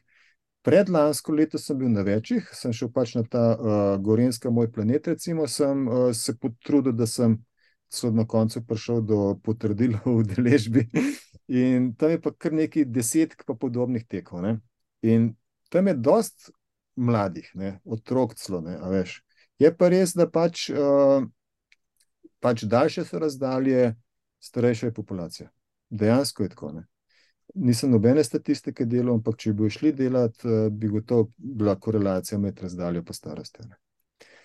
Uh, to, tudi zaradi tega, ne, to smo se že prej malo pogovarjali, uh, ker si ti mlajši, ti tek ni uh, nek izziv. Zaradi tega, ker se z drugimi stvarmi ukvarjaš, ali imaš šport, ali imaš šolo, ali imaš prijatelje, ali imaš, boh ne da, visiš na telefonu. Ne? In potem, ko prideš pa v ena leta, ki si stvari si nekako uredil, pa postavil, pol te pa prime neka rekreacija, zaradi tega, ker ugotoviš, da ali rabiš družbo, ali rabiš gibanje, ali pa oboje, ali pa zaradi zdravja, ali pa zaradi prihodnosti. Ne? In ali je to futbol, ali je to basket, ali je to tenis, ali je to tek, ali je to kaj drugega, kolesarstvo. Uh, Moš priti do neke starosti, do neke zrelosti, da potem se lahko lotiš tega bolj dolgoročno, pa bolj temeljito. Odličen odgovor. Ero. Super, evo, si tole počrtal. Je prednost, eh, če si ultraš ali pa aktiven tekač, če imaš uh, ženo fizioterapevtko? V bistvu ja, pa ne, zaradi tega, ker mi doska reče, ko zdaj boš prišel na terapijo. Jaz pa uh, nisem bil velikokrat prnjen na terapiji. No? So drugi uh, tekači, ki so dosti večkrat prnjen kot jaz. Ali ne prideš na vrsto, ali si bolj, kar se tega tiče? Nekako, nekak, uh, pa nam rekel, da trpim z bolečinami, ker ne. Ampak, lej, veš, dokaj me kaj zares ne boli, ne grem na terapijo. Ne? Čeprav ej, sem si pa prvo še zdaj zadnje parkrat, uh, mogoče to prija tudi zrelosti, ne vem, kaj tega nikoli v življenju nisem počel. Preden grem na kakšen daljši tek, en teden prej grem na pedikuro. Da ti nohte poščipajo. Nohti, plati, take stvari. Je res, da nikoli v življenju nisem imel težav v žuli, nikoli, enkrat samkrat, pa še to je bilo zaradi tega, ker so bile superge take, ene Joma maraton model, ne vem, če se spomniš, pred 20 leti. Ne. So me drgnili tako le note, da sem v bistvu notrni podplat rob dubo, ne, pa še. Pa še to je bilo povezano s tem, da, sem, da je bil tek dolg 40 km, pa sem zadnjih 20 km obsavil na vzgor proti vetru teku. Ne.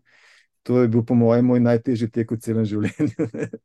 In edinka, da sem dubo žule. Recimo, recimo v, v Kranju na tistem 12-urnem teku, ko si cel dan si moker, ker se pač močeš, da se ne bi skuril, nič, vse vrede. Prva liga. Pedikura A. je pa pač tako mal, luksuza.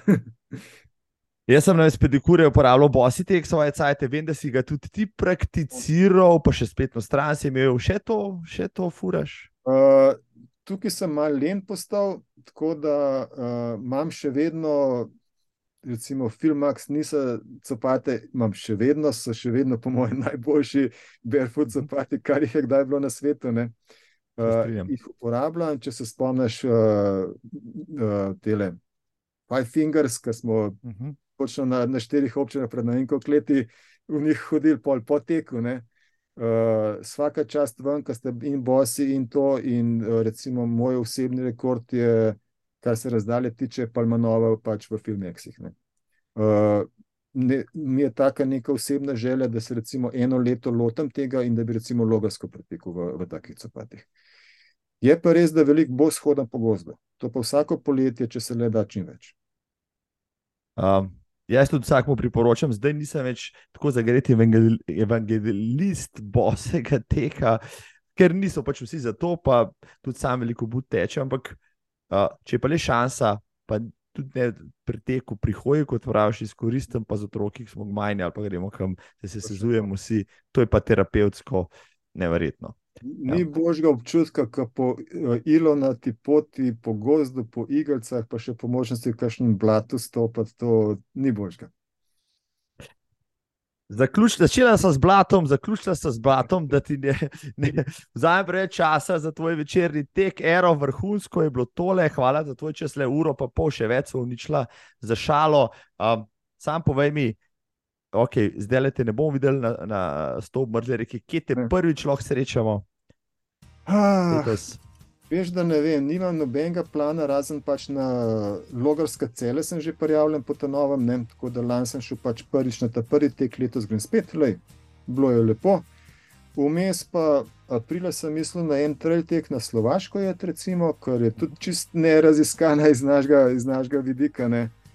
Uh, ne vem, bom videl. Mogoče kopaš 24 ur, če, bo, če se bo zvezde poklopile to je 31. marca, zapišite ja. si. Erwin Lemark, Ero, hvala za tvoj čas, res, res zanimiv pogovor, materijala ima še za trikrat toliko. Ja, um, hvala, pozdrav, pa dober teči. Ja, hvala tebi, zdaj ne vem, že sneži, a še ne, kar koli že je. Če zunaj pada. Najprej psa sprehoditi, pa se preoblečem, pa grem. Dobiš kudos na stravi. Evo. Najlepša hvala, lep pozdrav. Hvala tebi, pozdravi, pijo, se vidimo. Hvala. Adijo. Čau. Čau.